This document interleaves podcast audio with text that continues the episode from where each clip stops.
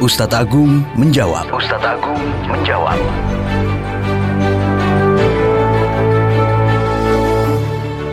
Mitra Muslim, puasa Ramadan adalah puasa wajib bagi umat Islam. Karena itulah, hal yang mewajibkan ini ketika dilanggar haruslah diganti. Maka mitra Muslim, kita akan belajar bagaimana hukum seseorang yang tidak mau mengkodok puasa sampai masuk Ramadan berikutnya. Padahal ia tidak ada uzur sama sekali untuk mengkodoknya. Hal ini apakah cukup hanya bertaubat dengan mengkodoknya saja atau harus membayar fidyah atau kafarah? Bagaimana ulasannya?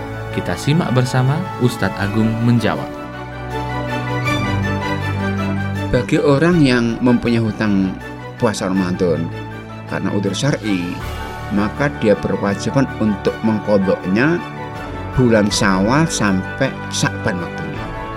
Nah, ketika orang tersebut ada kesempatan untuk mengkodoknya di bulan-bulan yang Allah berikan kesempatan itu, kemudian tidak melaksanakan karena tidak ada udur syar'i, karena teledor, maka di samping dia tetap wajib untuk mengkodok, maka atas keteledornya ini para ulama mayoritas mengatakan wajib berfidyah. Imam Malik, Imam Syekh Muhammad atas satu puasa ditinggalkan wajib satu kodok dan satu fidyah. Kalau dia menunda membayar hutangnya karena teledor bukan karena udur.